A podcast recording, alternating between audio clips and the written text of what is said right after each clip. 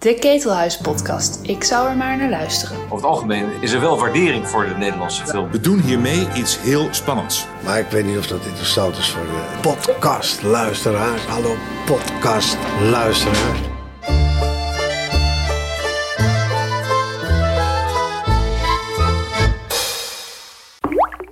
Nou, welkom bij de 47e editie alweer van de Ketelhuis Podcast. Het is een speciale, extra ingelaste editie die geheel in het teken staat van de Gouden Kalveren die vrijdag deze week worden uitgereikt. De Gouden Kalveren 2021. Het is nu woensdag. Uh, we zitten dus twee dagen voor de uitreiking, maar we hebben wel een lijst met nominaties voor ons. Uh, mijn naam is Alex de Ronde, ik werk bij het Ketelhuis. En naast mij, of voor mij, zitten twee vaste medewerkers van de Ketelhuis Podcast. Floortje Smit, vermaard filmcriticus eh, voor de Volkskrant en presentator voor Human, de enige omroep zonder lidwoord. Max. Max. En deze bemoeien al Hans Berenkamp, film- en televisiecriticus in Rusten. Hij schreef een paar decennia voor NRC Handelsblad. We gaan natuurlijk niet over alle nominaties hebben. Uh, we beperken ons tot alle categorieën betreffende de speelfilm. En uh, laten we beginnen met het ondergeschoven kindje sinds jaar en dag. De nominaties, of het Gouden Kalf, voor de beste lange documentaire.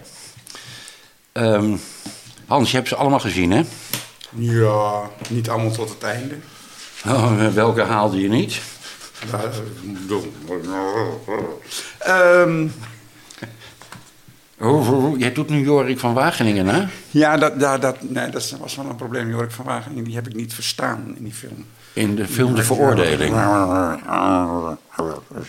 Niet verstaan. Maar um, nee, we, laten, gaan we het straks over hebben, over acteurs. Nee, ik heb de meeste documentaires gezien. Ja. nou, ik zeg, uh, je moet kiezen tussen... Uh, uh, Silence of the Tides en Dierbaren. Uh, Pieter Rim de Kroon is volgens mij toch de Bert Haanstra van deze eeuw. Absoluut. En die is ook, denk ik, toch wel verreweg de beste documentaire van de afgelopen jaren. Ja, daar zijn we het meteen al over eens dan. Nou ja, kijk, er zou eigenlijk nog wel een speciale... Uh, bestaat het Gouden Kalf nog speciale juryprijs? Nee, we hebben geen jury meer. Het nee, dat is wordt dus nee, maar dan is het een speciale Academy. bestuursprijs of zo? Nou, dat is, we hebben alleen het uh, cultuurkalf... en dat gaat dit jaar naar Meike de Jong. Ja. Beetje vroeg, want... Uh, zeg ik maar even tussendoor, uh, Frans Wijs en Hedy Honigman hebben nog nooit een cultuurkalf gekregen. Nee, kijk, Hedy Honigman moet hem nu natuurlijk hebben voor haar twee laatste films. Uh, die, uh, waar allemaal ook wel weer wat tegenvalt te zeggen, maar die wel heel bijzonder zijn. En het is gewoon ja, wel een soort afscheid, denk ik. Oh, maar jij, jij pleit voor een prijs die niet bestaat. Ik, prijs, ik, ik pleit voor het uh, verstrekken van een prijs aan de niet genomineerde documentaires van Hedy Honigman. 100 Up en No I Camino. Waarvan acte? Floortje, kan je je daarin vinden? Ja hoor, daar kan ik me prima in vinden. Ja. Wat is jouw favoriete documentaire? Ik kan daar helemaal niets over zeggen, want ik heb ze niet gezien. Dat staat niet vrij voor een journalist, nee, hè? dat weet ik. Dat weet ik. Maar ik, uh, nee, het spijt me. Ik heb, uh, ik heb meer speelfilms gezien dan uh, documentaires dit jaar. Daar gaan we zo aan toe komen.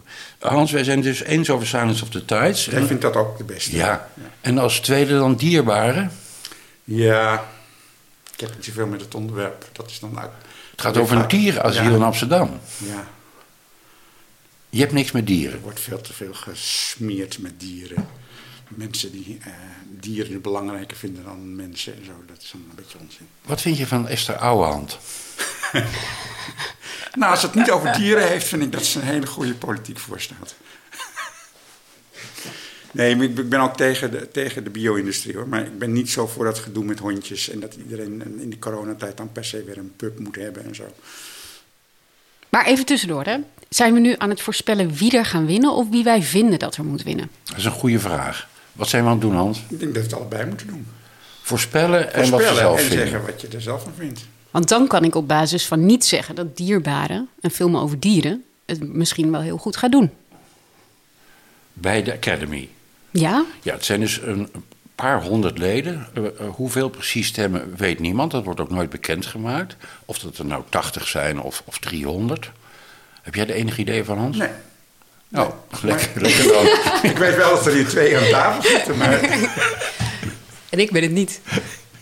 Nee, maar jij voorspelt dan morgen in Volkskrant weer eh, wie gaat winnen. Ja, ja dat Wel- wel. Welke documentaire gaat volgens de Volkskrant winnen? Ja, wij denken dus dierbaren. Vanwege die dieren. Nee, nee, nee, nee, nee, nee. Want het is, het is ook gewoon een. Je zegt zelf al, het zijn de twee runner-ups. Dus. ehm, maar, maar nee, ik, ik denk gewoon dat je ook moet kijken naar die hele grote groep. En dat zijn niet alleen. Deze, deze shortlist is natuurlijk gemaakt door de eh, mensen die documentaires maken. Maar straks gaat iedereen erop stemmen. En ik denk dat bijvoorbeeld. Nou, misschien geluidsmensen of cameramensen ook gewoon dol zijn op dieren. En dan denken, nou, dat vind ik gewoon een lekkerdere documentaire om te kijken. Maar ik wil er wel even Kan. tegen inmengen dat ook heel veel dieren zitten in Silence of the Tides. maar die zijn wild. Oh, wilde dieren. Wilde ja. dieren. Ja. En, eh, Dus jij denkt, dat het is tussen de huisdieren en de wilde dieren op dit wilde- ja, moment? en, dan- en, en die wilde dieren die zijn wel heel spectaculair hoor. Ja. Vechtende robben, Ja. bronstige vechtende robben. Eh, eh, eh, meeuwen, heel gemene meeuwen, die kleine vogeltjes pakken. Dat zie je, al- krijg je allemaal te zien. Nee, kijk, het, Of het is- poezen. Ja, die zitten er niet zoveel in. Er zitten geen poezen in die film, hè? Nee, Wel schapen ook. Schapen zitten erin, mensen ook, Ja, af en toe.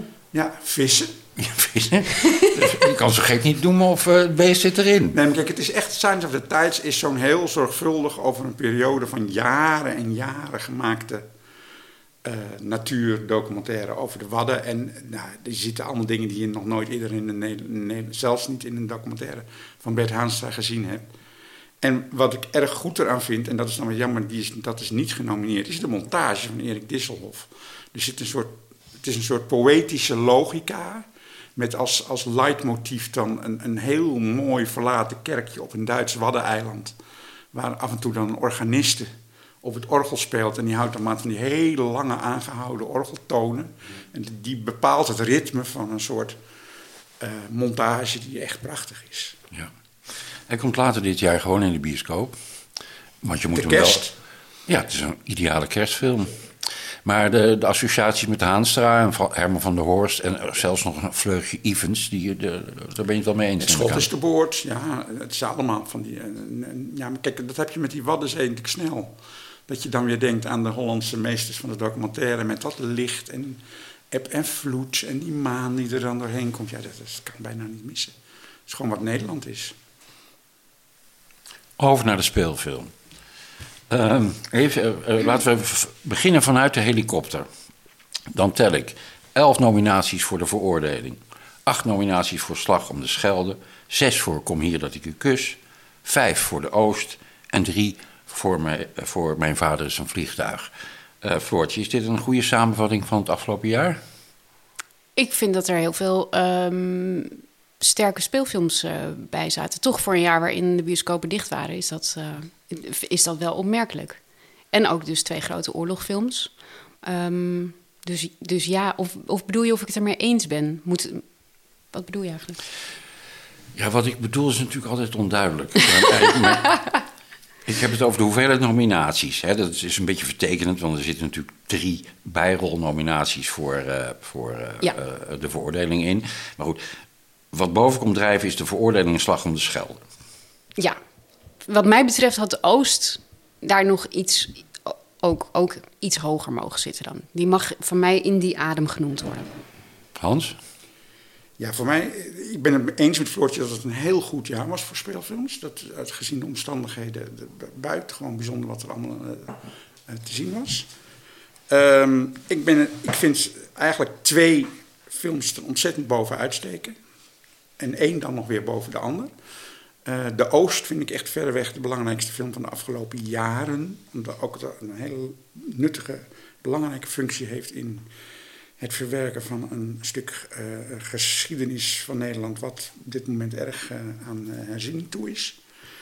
Ehm, en ik vond het een hele interessante film die, ehm, eh, gezien het lage budget, ook eens heel goed gemaakt is. Dus die moet voor mij eigenlijk in alle categorieën bovenaan eindigen. Maar dan eh, mag er nog één tussen, wat mij betreft. En dat is een film die nul nominaties heeft gekregen.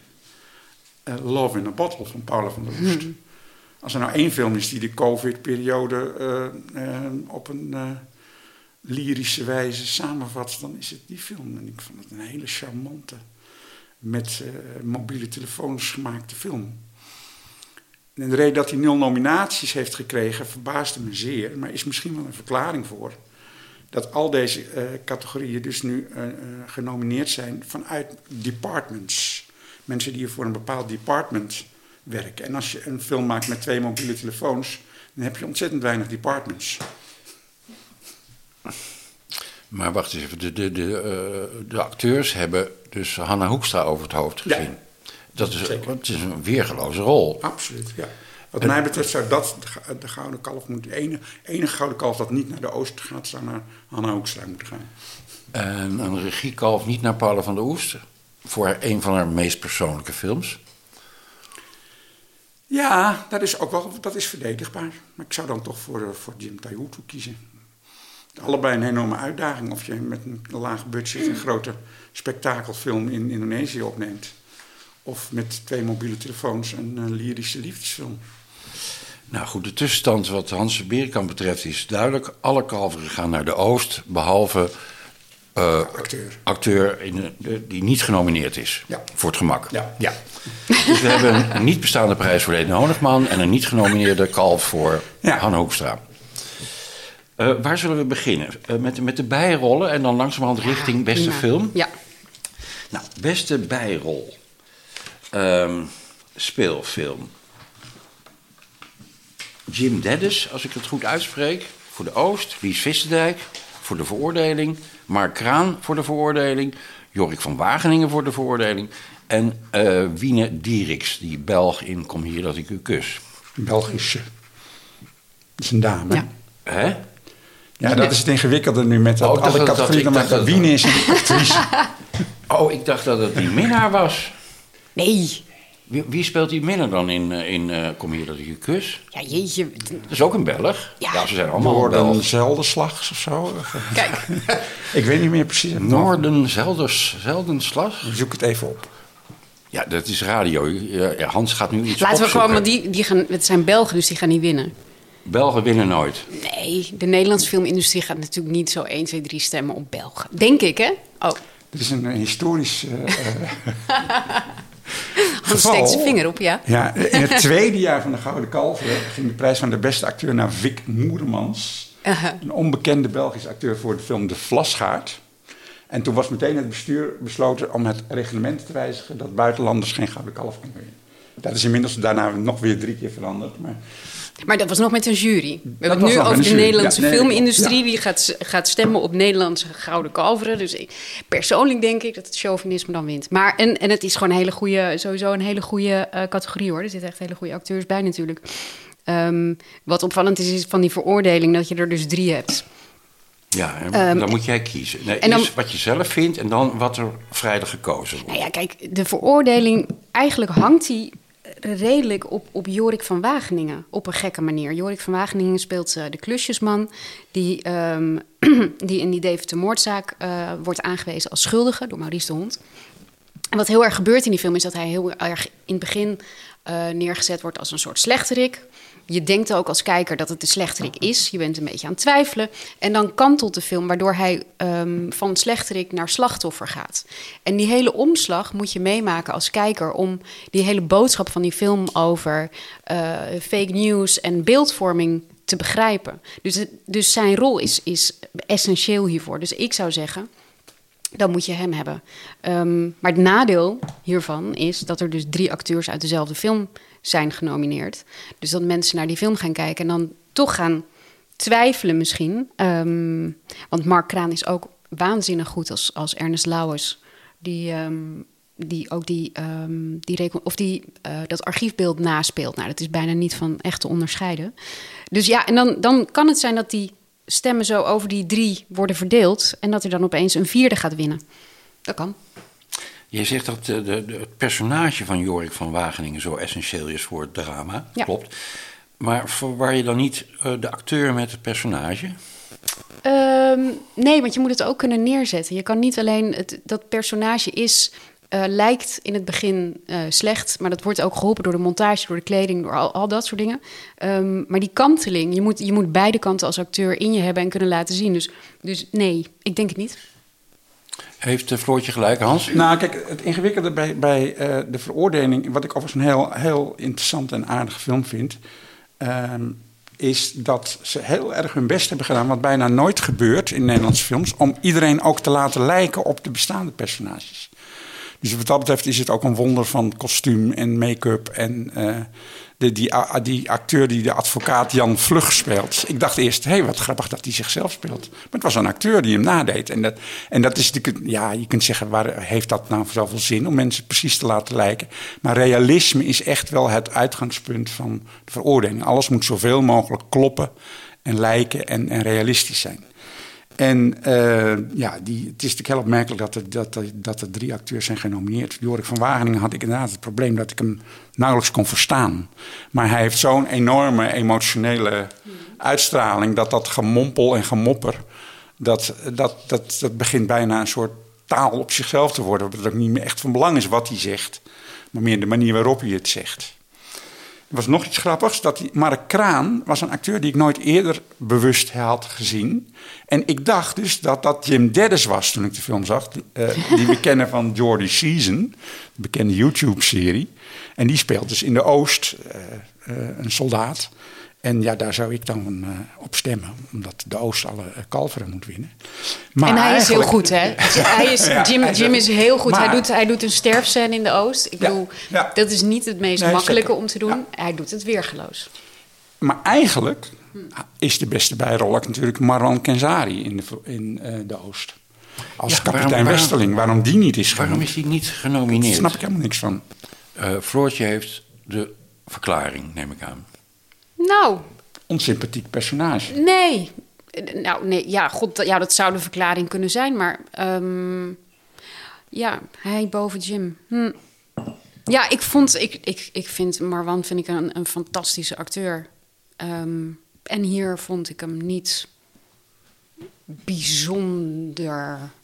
Was, was hij eigenlijk voor Instinct uh, genomineerd? Ja, volgens mij wel. En heeft hij toen een kalf gekregen? Dat dacht ik niet.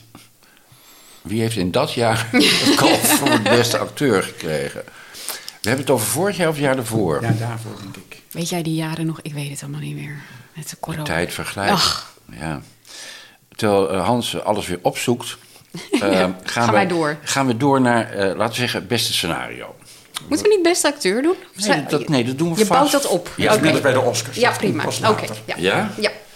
Het beste scenario. Nou, ja. genomineerd zijn uh, Bert Bauma en Sander Burger voor de veroordeling. Jeroen Scholder van Aschat voor I Don't Wanna Dance. Dat is misschien een opmerkelijke nominatie. En Paula van der Oest niet voor uh, Lau van der Bottemaar voor de slag om de Schelde. Uh, wie gaat hem winnen, uh, Floortje? De veroordeling.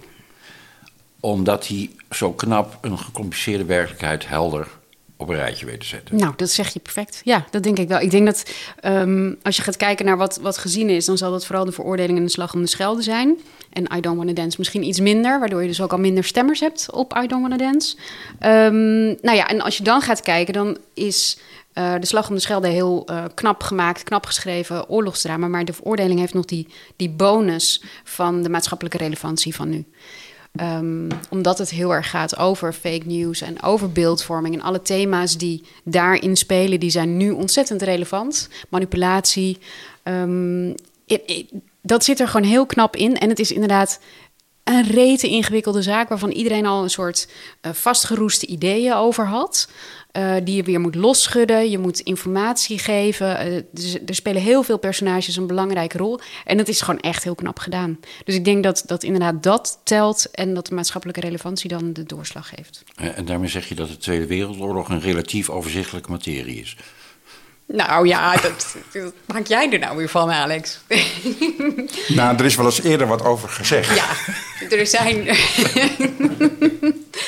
Dat is gewoon het grote verschil, denk ik. Dat de Tweede Wereldoorlog heel moeilijk is om daar nog een originele gedachte over te ontwikkelen. En dat is een beetje ook het probleem wat ik heb met, met scenario en film van de Slag om de Schelde. Wat een hele fatsoenlijke film is, die heel goed gemaakt is. Maar ja, ik steek er niet veel van op. Wat ik denk, dit geeft mij echt een nieuw inzicht in de vaderlandse geschiedenis. Maar misschien is het een beetje gericht op jongeren. Dat is de expliciete bedoeling, hè? Ja, dat zo. Ja, nou, kijk, dat is, dat, dat heb ik inderdaad ook in deze podcast wel eens gezegd. De, de grote winnaar van de Slag om de Schelde is het V-fonds. Die heel veel geld erin heeft gestopt. Het fonds wat meer kennis en, en begrip voor veteranen wil wekken. Dat is natuurlijk wel gelukt. Als je niks ervan weet, dan is dat eh, heel... En ik vind het ook een heel knap eh, eh, gepuzzeld scenario, hoor, dat Slag om de Schelde. Dus je ziet echt dat er vreselijk is geschoven en gedaan... om het allemaal een beetje in evenwicht te krijgen. Maar ja, ik zeg, het is bekende materie. En ik vind, inderdaad, ik ben het verder helemaal met, met, met Floortje eens. De veroordeling is, eh, is, is gewoon een heel relevant en goed gemaakt eh, scenario. Wat, wat, wat ja, betekenis heeft. Maar het kalf voor beste scenario had dus wat jou betreft naar de oost moeten gaan. Ja, absoluut. ja, Houd toch op. Overigens ben ik van mening. Ehm, laten we naar... eh zullen we eh, beste acteerprestatie doen? Ja. Genderneutrale acteerprestatie. Nou, genomineerd voor de beste hoofdrol. Elise Schaap voor Mijn Vader is een Vliegtuig. Elsie de Brouw voor Drijfstand. Vetje van Huet voor De Veroordeling. Martijn Lakenmeijer voor De Oost. En Romana Vrede voor I Don't Wanna Dance. Eh, kijk, als er nou een jury was geweest en geen academy systeem... dan had een slimme jury had Elise Schaap eh, gewoon call voor beste eh, acteerprestatie gegeven. Dan eh, was daarmee Mijn Vader een Vliegtuig mooi neergezet. En klaar. Hebben jullie trouwens die hakreclame gezien? Hakreclame? Ja, Elise Schaap is nu de nieuwe Martine Bijl. Hm. Staat ze in het weiland de groente van hak aan te prijzen. Oh, nee, niet gezien. Ja, dat is een heel, daar moeten we misschien nog een podcast aan wijden, Hans. Acteurs in groentereclames. Nou ja, in, in welke reclames dan ook. Tom Ja. van Duinhoven als meneer Jamin. Eh, bedoel, het is een lange traditie van eh, Ja. Nederlandse acteurs in, in reclames. Maar ik weet niet of dat nou zo interessant is. Goed, los daarvan. Zij moet roken. Nou ja, ik denk dat het wel interessant is. Want ik denk dat je als acteur een gezicht wordt. Ehm, en, en nog meer een gezicht dan je al bent. En ik denk dat je als acteur toch moet zorgen dat je zo min mogelijk een gezicht bent. En iedere keer een ander personage kan zijn. Dus als je groente verkoopt. we kijken naar Frank Lammers. Ja, het Frank, Frank Lammers, Lammers. effect. Ja. Heb je toch. Je kijkt toch naar Frank Lammers als Superman. Superman. Marktman. En, en Toei natuurlijk. Ja. Ja. Mag je deze reclame maken eigenlijk zo hier? Zo. Ik zou niet weten. We, Wij hebben merk niets, niet. Wij niets zijn met- niet van de NPO. Oh ja, oké. Nee. We, we hebben niks met het commissariaat voor de media te maken ook. Goed, ik heb die vijf Hm. hoofdrollen eh, genoemd. Ehm, wie wil beginnen? Eh, ja, Hans zegt natuurlijk Ja. Martijn de Nee, Oost. nee, nee, nee, wacht even. Wacht Oh. even. Dat zeg ik uiteindelijk wel, maar via een ingewikkelde omweg. Nou, neem eens een ingewikkeld, Kom maar door. neem eens een ingewikkelde omweg. Nou kijk, Elise Schaap is natuurlijk heel bijzonder, omdat eh, volgens mij dit voor het eerst dat ze een rol speelt zonder gimmick, zonder accent, zonder humor, eh, zonder eh, dubbele bodem, ironie. Ze speelt gewoon een heel serieus personage. En dat is gelukt, en maar ook een beetje wel door truc, truc in de regie dat eh, er steeds extreme close-ups van haar worden genomen. Dat bijna ook de bovenkant en de onderkant van haar hoofd er nog af zijn gesneden. Waardoor alles wat er nog aan expressiviteit in dat lichaam zit, wordt dus buiten beeld gehouden. En daardoor wordt ze op wat kunstmatige wijze wordt, eh, eh, geholpen dat ze als een serieuze actrice wordt gezien. Maar op zich is die operatie goed gelukt. En Waarom zou je met een lichaam niet als een serieuze actrice worden gezien? Nee, omdat haar lichaam heeft iets springerigs en ironisch. Je, als je haar le- hele lijf ziet, dan moet je altijd lachen. Is dat zo? Ja, bij Lise Schaap vind ik altijd van, oh, die is... Die is Nee, ze is heel grappig. Ze kan dat is heel inzetten. grappig. Maar feitelijk kan ze het misschien ook uitzetten. Maar dat kunnen nou ja, dus- dat, dat, zou, dat heeft ze ook gedaan. En dat is ook gelukt. Maar de camera heeft een beetje geholpen, laat ik het zo zeggen. En de regie. Ho, ho, ho, je lichaam stilzetten. Eh, Hans, wie heeft er ooit gezegd dat iemand een ironisch lichaam heeft? Dat zeg ik nu over Lise Schaap. Maar, misschien is dat haar, maar dat is misschien haar speelstijl. Misschien verwar je Elise Schaap lichaam met haar speelstijl. Nou ja, zij, hoe zij als actrice meestal zichzelf Ja. presenteert... is toch als een beetje een gummy. En Het is Ja. een clown. Maar we kunnen niet zien in deze film dus, omdat ze steeds Nou ja, zo soms is uitgesneden. Soms of zie je er dat... wel helemaal, maar, Oh ja. maar het is een, een, effectieve truc. Nou, en dan is het natuurlijk een fantastische rol, maar ik zou dat eerder een bijrol noemen. eh, Elsie de Brouw in Drijfstand. Drijfstand vind ik de iets minder geslaagde versie van Mijn Vader is een Vliegtuig. Eh, maar Elsie de Brouw is wel heel erg goed. Maar ja, ik vind het niet echt een hoofdrol. Ja, hoewel ze is wel heel aanwezig. Hetzelfde geldt trouwens voor Romana Vrede. Hè? Is ook geen echte hoofdrol. geen echte hoofdrol, nee. Ehm, nou, Wat een rare, wat dus eigenlijk heel vreemd is. Want hoe kan dat nou? Hoe kan het nou dat er dan twee niet echte hoofdrol, hoofdrollen zitten in die categorie? Mijn hypothese- Is dat, betekent dat, dat dat mensen inderdaad echt op zoek zijn gegaan van... we gaan hier vrouwen in stemmen of zo? Nee, mijn hypothese is dat bij de acteurs die hier gestemd hebben... vanzelfsprekend onderscheid maken tussen steracteurs en minder bekende acteurs. En als je een minder bekende acteur bent, dan word je genomineerd in de categorie bijrol... ongeacht de omvang van eh, de rol. En als je een bekende acteur bent en je speelt een kleine rol, dan ben je toch hoofdrol. Dus het is eigenlijk beste steracteur en beste gewone acteur. Ik weet eigenlijk helemaal niet hoe dat eh, met die acteurs is gegaan. Of ehm, acteurs mogen af- over acteurs stemmen. Maar of de Academy vooraf een onderscheid heeft gemaakt tussen. Ja, we, ja dan zijn Volgens we mij wel niet heel hoor. slecht, slecht Volgens mij, geïnformeerd. volgens mij mag alles. Volgens mij hadden er zo hele- vijf mannen genomineerd kunnen zijn. Ja, maar of de Academy ook een, eh, eh, bij de nominatie onderscheid maakt tussen hoofd- en bijrol.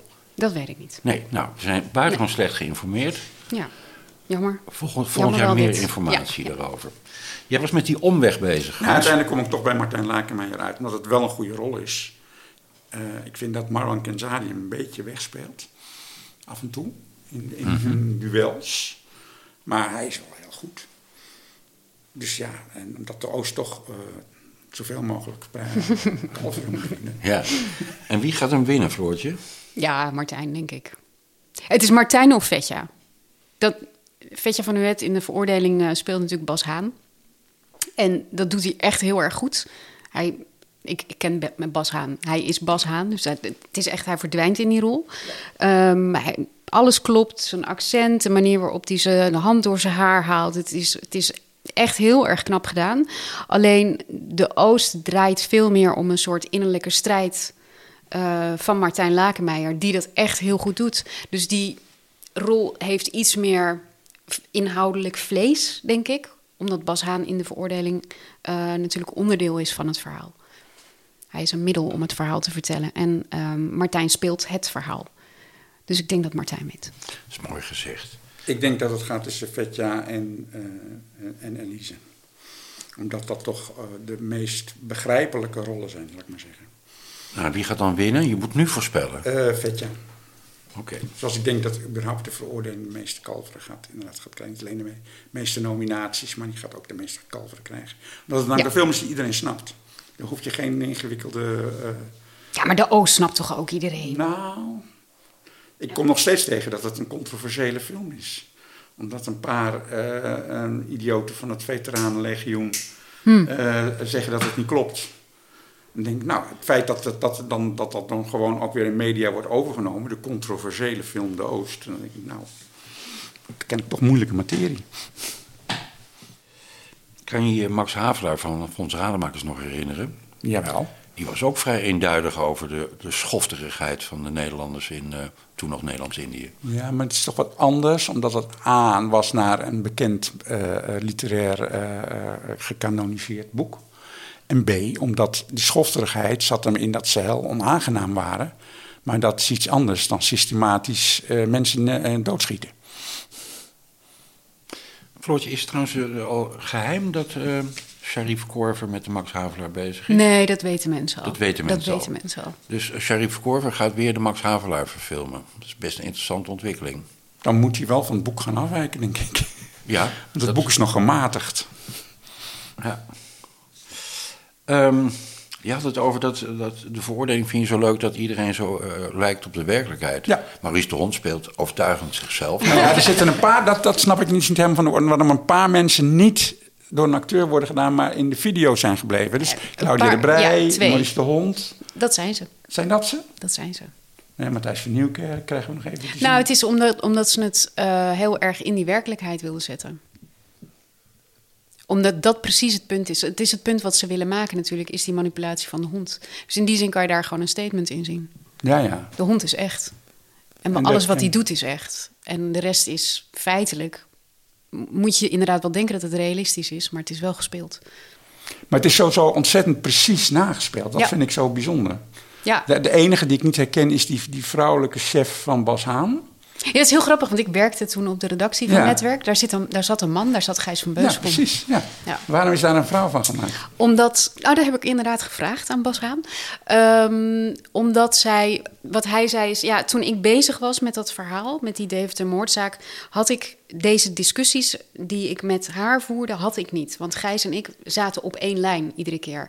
En waar deze vrouw, of, of dit personage voor is, is om die journalistieke discussies en afwegingen meer omhoog te laten komen. Zodat het, het grotere publiek dat ook begrijpt. Maar voor wat, wat er binnen de journalistiek op dat moment gebeurde, of wat er binnen die twee gebeurde, die zaten gewoon op één lijn. Dus dan heb je geen ruzies. Dus als je Gijs van Beuzenkom opeens neer gaat zetten als iemand die de hele tijd er tegen ingaat, dan, ehm, dan klopt het niet meer.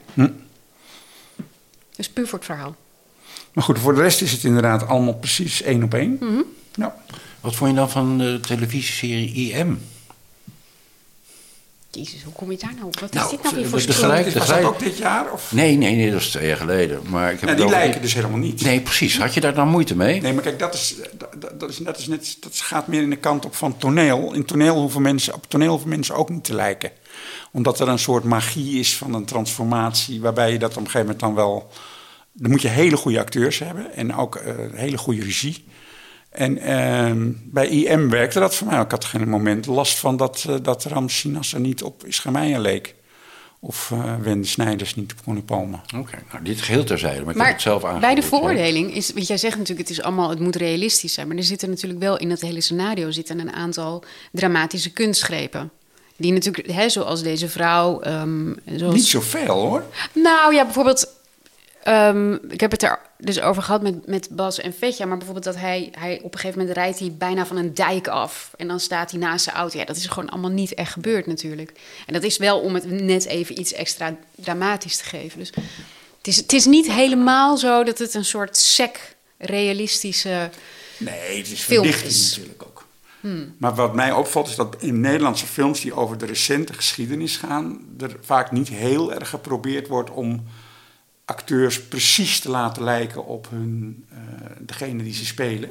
En dat dat hier is, eh, ook in de hele aankleding en, de, en, en de, ik kom straks nog op art direction, costume design, is allemaal heel precies gereconstrueerd. Ja, We Dat komen noem ik helemaal... realisme. ja. Komen we daar niet? Nee, we, komen, we gaan geen kostuums en art Dan gaan we dat helemaal niet doen. bespreken. Oh, jammer. Wat doe jij daar nou weer? Dat is hartstikke belangrijk. Nou, oké, we bespreken het dan. Doe het dan even met z'n tweeën. Oh, heb jij niet voorbereid? Nee, natuurlijk Oh, niet. oké. Wat wilde je Nou, zeggen over...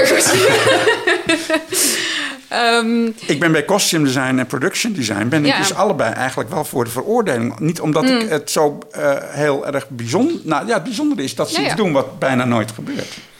En dat je bij de Slag om de Schelde de juiste uniformen uit de kast weet te trekken. En, en misschien nog wat, Ja. wat dingen wel zelf ontwerpt. Maar het is toch voor een belangrijk deel. Gaan kostuumprijzen vaak naar historische films. Omdat dat spectaculairder Ja. is. Maar En dat gaat dus nu ook gebeuren. Want die Ja. Academy, kijk, die kostuum en die art direction... dat is nu natuurlijk, die shortlist is gemaakt door mensen uit het vak. Maar straks gaan iedereen gaat daar naar kijken. En dan zie je toch eerder zie je, zie je mooie kostuums in een historische film. En dan denk je, goh, leuk. En de veroordeling, dat is, is subtieler. Dat is, Het is veel subtieler gedaan. Alhoewel ik wel vind dat, dat de manier waarop eh, Jorik van Wageningen wordt neergezet... Hè, wat ik net al zei over dat, dat hij van een soort slechterik zo kantelt naar eh, een slachtoffer... wat ook in die kleding zit, is wel is goed over nagedacht. Knap, echt knap gedaan. Dus ehm, ja, ik, ik zou ook voor de veroordeling gaan. Ja, en de prijzen gaan natuurlijk eh, komende vrijdag eh, in beide gevallen naar Slag om. Ja, denk het wel. ja, Nou, is hiermee deze afdeling afdoende behandeld? Ja, ik denk het wel. Had je nog vragen? Nee, ik heb Nee. verder geen vraag. Oké. We, gaan, eh, we zijn toe aan de twee laatste categorieën, dacht ik. camera en montage. Nee, wilde ik ook overslaan. nou, oké, Hans, Hoe jij dan dat even film gemaakt wordt? En muziek misschien? muziek doen we ook niet? Ja, Oké. Een film wordt wel beschouwd als een gezamtwerk, maar dat is, het gaat natuurlijk om de auteur. Ja, dat heb ik, is ook mijn, mijn eh, overtuiging. Maar ik heb in de loop van de jaren wel geleerd dat het iets ingewikkelder ligt. Goed, doen we, doen we camera. Eh, waar mogen we uit kiezen? Eh Lennart Hillige, Slag om de Schelde. Sal Kronenberg, De Veroordeling. Tom Peters, Shadow Game. Shadow Game is natuurlijk een documentaire, dus een opmerkelijke nominatie. Kijk, wat interessant is aan deze drie nominaties is dat het nou precies de drie soorten camerawerk zijn die eh, je, zou kunnen bedenken en die eh, totaal verschillend van elkaar zijn. Slag om de Schelde is natuurlijk klassiek Hollywood, eh, uitlichten, totale controle, kunstzinnige, ja, grootscheeps camerawerk, zou ik maar zeggen. Director of Photography, groot department. En dat is heel goed gedaan. Sal Kronenberg is qua camerawerk niet heel spectaculair, is, is realistisch, is, klopt, is correct. Maar zie ik niet heel veel bijzonders aan jij? Nou, als je kijkt naar wat dat hij de illusie geeft dat jij naar archiefbeeld zit te kijken, terwijl je feitelijk naar regie zit te kijken. Ja, dat is grading. Nee, want het, het, het, het past ook in het geheel van de film. Het is Ja. niet alsof je, alsof je een moment hebt waarbij je denkt: oh, nu kijken we even naar archief, terwijl je toch denkt: dit is archief. Ehm, en het past ook in de film en in de sfeer van het, alles klopt wel. Het is wel, het is wel knap gedaan, toch? Nou, ik, ik, nogmaals, ik ben er niet tegen. En Tom Peters is dus weer iets heel anders. Dat is namelijk een eh, onder uiterst ingewikkelde omstandigheden documentair eh, eh, vluchtelingen tijdens de lange reis van Syrië slash Afghanistan slash Irak naar Servië, naar de Servisch-Hongaarse grens. En wat, wat je nog meer hebt voor ingewikkelde plekken. Ja, eigenlijk een soort oorlogsjournalistiek. Het is een soort oorlogsjournalistiek. En dus dat is heel knap als je daar dan ook een soort... Wordt, een deel is ook met, met eigen telefoontjes gefilmd. Maar die, dat camerawerk, beeld, is wel een soort eenheid geworden. Dus dat is ook heel knap. En dan noem ik ook toch nog maar weer even... eh, de andere eh, grote documentaire Sounds of the Tides... heeft ook heel spectaculair camerawerk. Ja, ja. Maar ik zou, ik heb, eh, zou in dit geval dan toch kiezen voor Lennart Hillige. Omdat ik denk, nou, als er nou iets goed is aan de slag om te schelden. waar je van je zegt dat is echt uitzonderlijk. en zo zie je het maar zelden in Nederland. dan is het het camerawerk. Oké, niet de Oost. Hij is niet genomineerd, hè? Beste montage. Kom hier dat ik u kus. Slag om de Schelde en de Oost. Ja, dat is een lastige. Ja, dat is een lastige. Nou, ik kom hier dat ik een kus is de montage best belangrijk. Omdat die film heel erg in elkaar geknutseld is, zal ik maar zeggen. Dat is. eh, Heel knap, ja. Ja, is, is knap. Ehm, maar ik hou niet zo van die film, dus dat is dan weer een jammer. Eh, Slag om de Schelde is de montage mij niet bijzonder bijgebleven als eh, anders dan anders. Ja, dus dan zou ik toch weer voor de Oost gaan. Ja, ik denk toch, kom hier dat ik een kus. Ja. Omdat je, je bent zo'n lijstje aan het invullen. Je hebt al een aantal keer de veroordeling. Een aantal keer de Oost. Kom hier dat ik een Silence kus. of the Tides, eh, eh, Erik Distelhoff is niet genomineerd. Nee, terwijl dus- dat, dat echt goede montage is. Dus dan kies je toch voor die, denk ik. Ja, die gaat dus winnen. Ik denk het wel. Wordt en dat- het is dus heel goed gedaan. Ja. Dat Dus- wordt dus één call voor eh, Kom hier dat ik u kus. Eh, ja, als we zo tellen wel, hè? Ja. Ik denk het. Oké. Nou, mogen we nou eindelijk naar eh, beste regie? ja. Vooruit. Muziek, sounddesign, doen we niet. Eh, beste regie, Matthijs van Heiningen junior voor slag, op- De Slag om de Schelde. Sabine Lubbe Bakker en Niels van Koevoorde voor Kom hier dat ik u kus. En Sander Burger voor De Veroordeling. Nou, Floortje, eh, wat vind jij en wat gaat er vrijdag gebeuren? Nou, Matthijs gaat winnen, denk ik. Het is gewoon, dat, als je kijkt naar wat ehm, regie, of wat, waar de regie het meest uitgesproken is, hè, waar je waarvan mensen die in een zaal zitten ook denken: oeh, dat is knap regie, dan is dat automatisch eigenlijk altijd al de oorlogsfilm. Dus dan dit. En het is, het is gewoon echt heel goed gedaan. Ja. Als, het, het mag zich meten met. Ik, ik wil dit niet zeggen, maar het mag zich natuurlijk meten met de rest van de wereld. Ja. Ehm, Dunkirk, ah. 1917. nou, het is niet. Nee, maar goed. nee, Maar we gaan natuurlijk niet. Want ik, anders klinkt het meteen weer. Anders klinkt het meteen weer alsof we, alsof we in Nederland het allemaal niet kunnen. Maar nee, dit is, dit is gewoon knap gedaan. En zeker met het budget wat hij had, is dit eh, toch spectaculair. Ik ben het met je eens hoor. Oh, gelukkig. Maar, nee, ik vind het ook heel knap. Maar ik zou dan toch, denk ik, stemmen voor de veroordeling, omdat ik een, dat een originele eh, regieopvatting vind. Slag om de Schelde is ambachtelijk, veel beter. Wat vind je, wat is, wat is de regieopvatting? Hoe zou je die dan Eh, omschrijven? is is ehm, het allemaal zoveel mogelijk op de werkelijkheid laten lijken, zodat wij denken dat het echt is. Een Bijna een soort documentaire, eh nep-documentaire stijl. Het is Ja? niet helemaal Ja. een nep-documentaire, maar het, is wel, het, zit heel dicht op de televisiewerkelijkheid. Ja, ja, ja, ja, ja. Nee, maar het is het- meer dat ik, als ik moet nadenken over wat mensen gaan zien, Ja, nee, dan, dat zeker. dan zien mensen Matthijs. Matthijs van Heiningen junior. Nou, de finale. Beste film. Vijf genomineerden. Kom hier dat ik u kus. Mijn vader is een vliegtuig. De Oost. Slag om de Schelde. En de veroordeling. Moeten we misschien eerst ook even zeggen welke van deze films eh, eh, wat, wat mist op het lijstje? Die heb je toch al dit- genoemd? Nou ja, die- ja. Misschien, ik wil nog even jou de Ja. kans geven om ook nog wat toe te Oh, voegen. ja. Dat is echt ten onrechte overgeslagen. Ik ga even naar... Nee, ik denk het niet. Ehm, nee. Nou, voor Hans en mij had het Love in de Bottle er gewoon Ja, had er absoluut bij gemoeten. Wat vond je ervan? Ja, nee, dat, nee, maar dat, oh, nee, maar ik dacht dat we die al hadden afgetikt en dat we nu weer een nieuwe Nee. moesten verzinnen. Ehm, nee, kijk, er valt, er valt natuurlijk best wel wat aan te merken op, op Love in a Bottle. Ehm, maar ik vind inderdaad ehm Anna Hoekstra echt weergeloos spelen. Ehm, ik denk dat hij onderschat is omdat het inderdaad via telefoontjes is gefilmd en, en daardoor ook onderschat is. Ehm, en ehm, ja, het is, het is de coronafilm, denk ik. De Nederlandse coronafilm.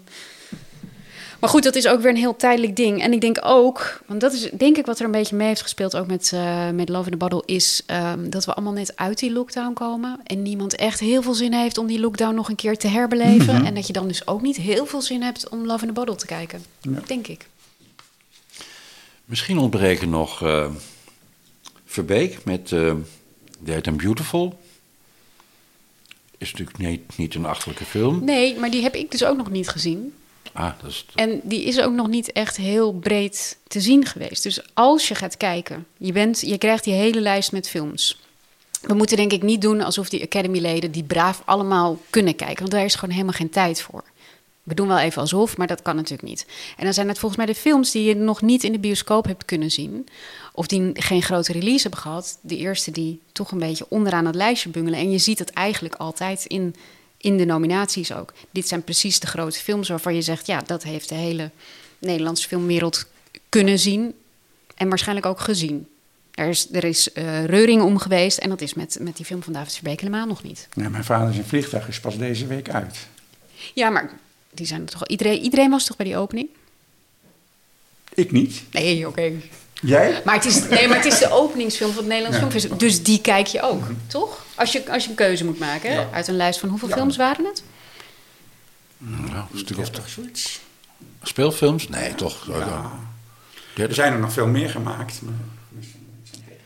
Zijn toch bijna twee werkweekjes eh, gewoon kijken. Wat ook ontbreekt eh, dat is het buitenbeentje Mitra. Dat is ook een Nederlandse co-productie. Ja, die wordt ook niet als Nederlands ervaren. Nee, maar hij stond dus wel op de lijst. Ja. En het is natuurlijk een heel verdienstelijke film. Ja, en Drijfzand staat er ook niet op. Wat voor mij stond wel in mijn top 5. Maar ook, de, ook daarvoor geldt Dat natuurlijk hetzelfde. Het is nog niet uit. Is nog geen verhaal over geschreven. Nou, Floortje, ehm, jij moet nu kiezen. Ja. Beste film voor jezelf. Puur persoonlijk. Oké, dan. Ik, ik, heb er oké, ik heb er twee waar ik, waar ik veel gevoel bij heb. Dat zijn de veroordeling en de Oost. Ehm, de veroordeling, omdat ik echt vind dat hij heel relevant is, is voor nu. En omdat hij echt heel go- goed gedaan is, ingewikkeld. En dat het heel belangrijk is om dat soort dingen eh, recht te zetten. En dat geldt misschien nog wel meer voor de Oost. Al die dingen.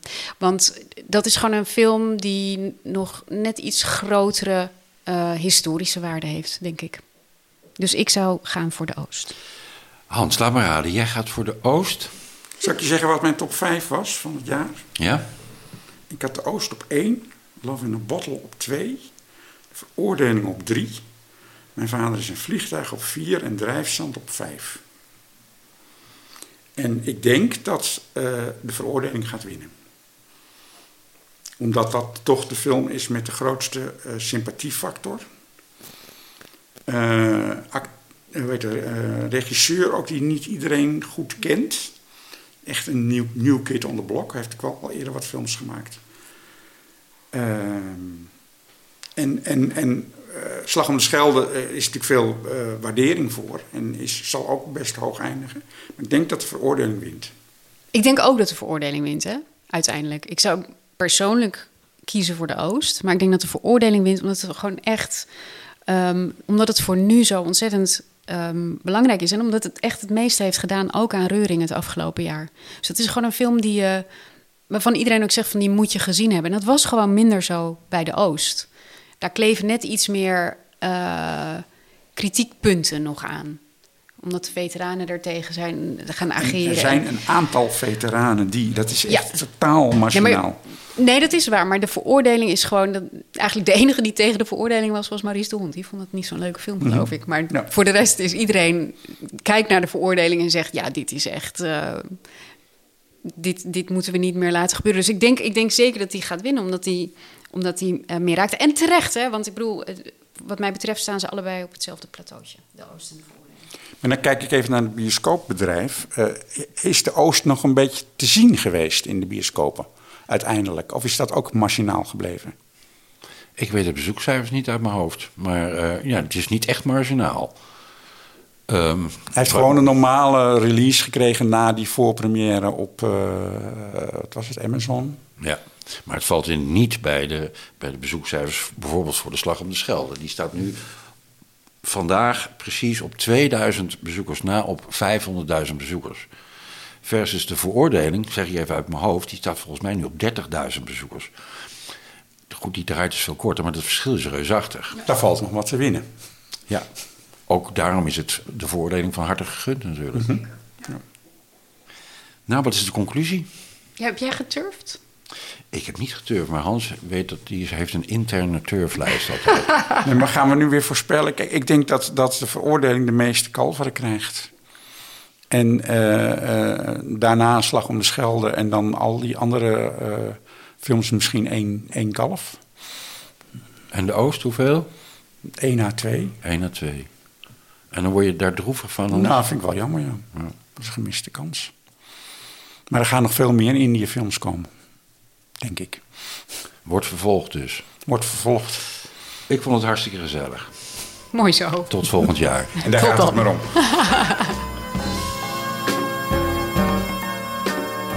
Tot zover deze Ketelhuis podcast. Je vindt de Ketelhuis podcast in je favoriete podcast app en natuurlijk op onze website ketelhuis.nl slash podcast. Abonneer je vooral zodat je geen enkele aflevering mist en leuk als je een reactie achterlaat. Hou ons in de gaten, we zijn snel weer terug met een nieuwe podcast.